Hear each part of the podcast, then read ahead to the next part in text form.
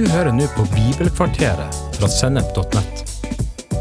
Bibelkvarteret er én kvarters påfyll i hverdagen fra Guds ord, både til inspirasjon og introduksjon til viktige temaer i Bibelen. Du vil også finne mer stoff på Sennep.nett som gir deg inspirasjon til å følge Jesus i hverdagen. Følg oss på Facebook og Instagram, og abonner på våre podkaster i Spotify, iTunes, Google Podkast, YouTube eller i den podkastappen som du bruker. Nå er snart julefeiringa i gang. For dem som feirer kristen jul, så går tankene oftest tilbake til kongen som kom som et barn i krypa. Men advent og jul det handler ikke bare om kongen som kom en gang, men det handler også om at den samme kongen en dag skal komme tilbake.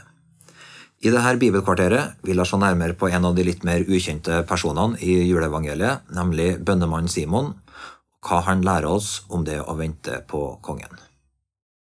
Det har slått meg de siste gangene jeg har lest juleevangeliet, hvor sentralt forbønn og den profetiske tjenesten er i det som skjer rundt Jesu fødsel, og hvordan det her virker sammen. Det er på en måte profetord og bønner og lovsanger på hver eneste side i fortellinga. Både Matteus og Lukas beskriver hvordan de her eldgamle profetordene går i oppfyllelse når Jesus ble født. Men vi finner ikke bare sånne gamle profetier. Vi leser om engler som blir sendt både til den ene og den andre, med ord om kongen som skal bli født. Og så leser vi om foreldrene til døperen Johannes, eh, Elisabeth og Zakaria, som blir fylt av Guds ånd og taler profetiske ord om frelserskongen. Og vi møter Maria, som synger en åndsinspirert låsang når hun hører profetordet om Jesus fra Elisabeth. Og innimellom det som skjer med de her hovedaktørene i fortellinga, så peker Lukas også på noen veldig enkle bønnefolk i evangeliet sitt. Vi møter enken Anna, som er blitt 84 år, og som har levd et langt liv i bønn og faste. Lukas han forteller oss at hun, Anna er en profet, og at når Jesusbarnet blir båret til tempelet, så begynner hun å tale profetisk om barnet til alle som er der. Hun, hun taler profetisk om babyen, Eh, og hun sier at det her, han er frihetens konge, som de har venta på. Og så møter vi da en bønnemann som heter Simon. La oss lese hva Lukas skriver om Simon, og vi leser fra Lukas 2, vers 25-32. I Jerusalem bodde en mann som het Simon. Han var rettskaffen og gudfryktig og venta på Israels trøst. Den hellige ånd var over han, og ånden hadde latt han få vite at han ikke skulle se døden før han hadde sett Herrens salvede. Nå kom han til tempelet, ledet av ånden, og da Jesu foreldre kom med barnet for å gjøre med han som skikken var etter loven, tok Simon barnet opp i armene sine, han lovpriste Gud og sa, Herre, nå lar du din tjener dra herfra i fred, slik som du har lova. For mine øyne har sett din frelse, som du har gjort i stand like for ansiktet på alle folk, et lys til åpenbaring for hedningene og ditt folk Israel til ære.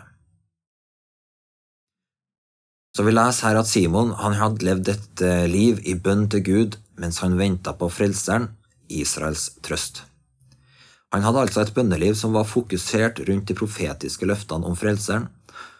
Så mens han hadde lest de her gamle profetiene, og bedt til Gud, så virker det som om Den hellige ånd hadde hviska i hjertet hans og sagt til en Simon, du skal få leve helt til du ser det her barnet kom, som profetene har talt om. Simon, du skal få se Herren salvede med egne øyne. Dette er jo helt fantastisk. Tenk deg for et bønneliv, tenk for en forventning. Og tenk deg det at Gud bruker sånne bønnefolk til å bringe sin plan fremover. Bønn er med og får ting til å skje. Og Simon han hadde fått det her løftet at du skal få leve helt til de her profetordene er oppfylt, at du skal få se Herrens salvede. Men Simon han var ikke den første som ba til Gud om at løftene om Messias måtte oppfylles. Før Simon så hadde levd generasjoner med gudfryktige mennesker som både talte profetisk om at Messias skulle komme, og som ba til Gud om at det skulle skje. Vi leser om Moses som taler om at det skal komme profet, sånn som han sjøl, som skal lede folket. Og om David så profeterer om at det i hans slekt skal komme en konge som skal sitte på Guds trone. Vi leser om Jeremia og Jesaja og Daniel og Mika og alle de andre profetene som ser Herren salvede og ber om at Guds rike skal komme til jord. Alle disse profetordene skaper en forventning hos de gudfryktige i landet som drev dem til bønn.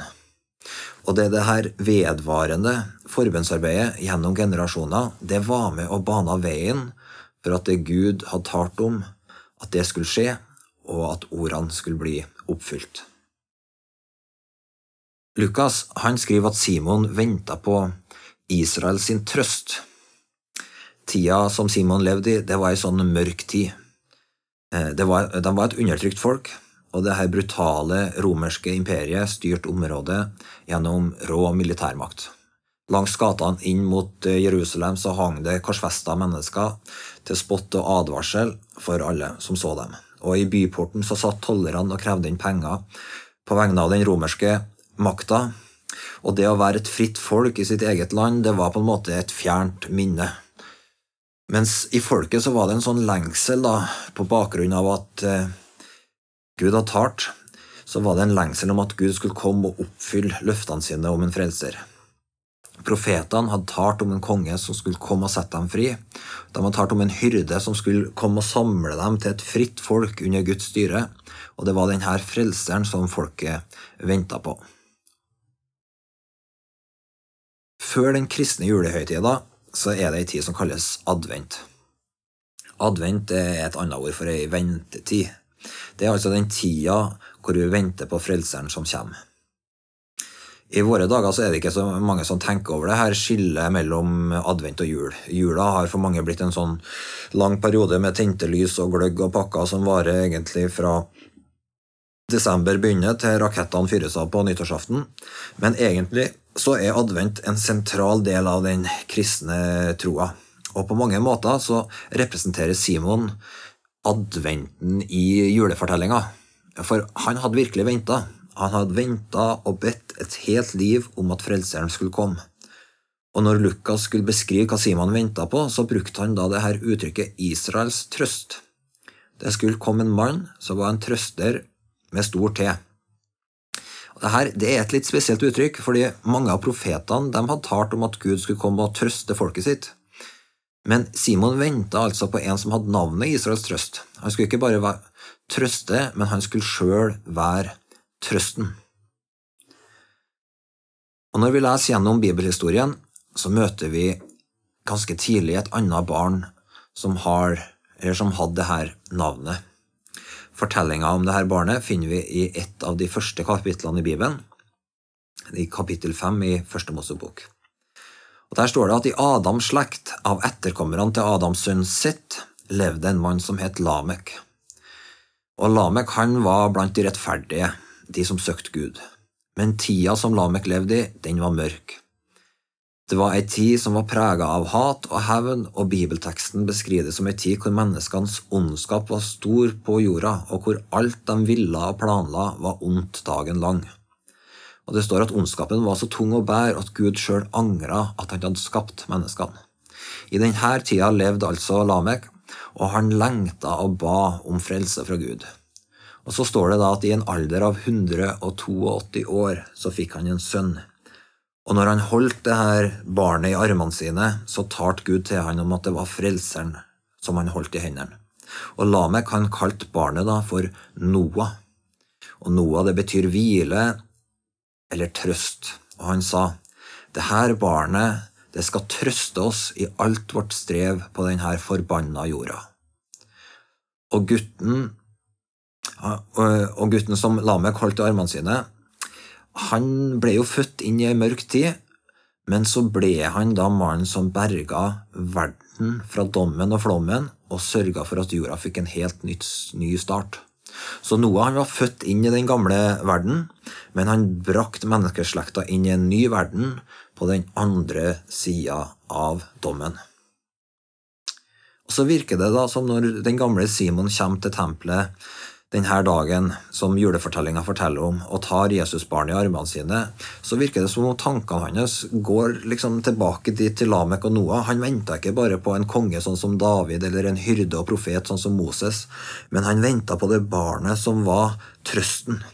Det barnet som kunne bringe verden ut av mørke og forbannelse og lidelse og gi alt det skapte, en helt ny start. Så Simon han lengta ikke bare etter en ny konge for Israel, men han venta på det her barnet som kunne komme og gi hele verden en ny start. Det leste du òg om i bønna til, eller i profetordet til Simon, som han taler over barnet, at det her er, det her er lyset over hedningefolkene som har kommet. Så sjøl om Jesus gjennom sin død og oppstandelse tok et oppgjør med forbannelsen og mørket og synden som ødelegger, så lever vi enda en slags eh, advent. Simon han fikk holde Israels trøst i armene sine. Han kunne si at øynene hans hadde sett Guds frelse. Men fortsatt så venter vi på en måte sammen med Simon på at denne salvede kongen skal komme tilbake og gjøre allting nytt. At han skal la lyset komme over jorda. At han skal utrydde all synd og ondskap som holder verden i mørket. Du vet, Det åndsfylte gudsfolket har en sånn dyp lengsel i hjertet sitt om at Kristus, brudkommen, skal komme tilbake og gjøre alle ting ny. Så julefortellinga handler ikke bare om det som har skjedd, om at eh, kongen har kommet, men eh, gjennom advent så lærer vi oss å være et folk som ber og lengter etter at Kristus skal komme tilbake. Og hvem vet, kanskje er vi denne ventegenerasjonen som kan være med å se det profetiske håpet oppfylt i vår tid. Litt sånn som Simon, han som ba og venta på at håpet og løftene skulle bli oppfylt, og så fikk han oppleve å holde Frelseren i armene sine, så kan vi være med å be om at vi skal få være den generasjonen som lever når kongen kommer tilbake, så alle kan se det. Og med det her så vil jeg ønske deg en riktig god julefeiring. Kongen som ble født i en stall, han skal komme tilbake i makt og herlighet. Så du har all god grunn til å feire jul.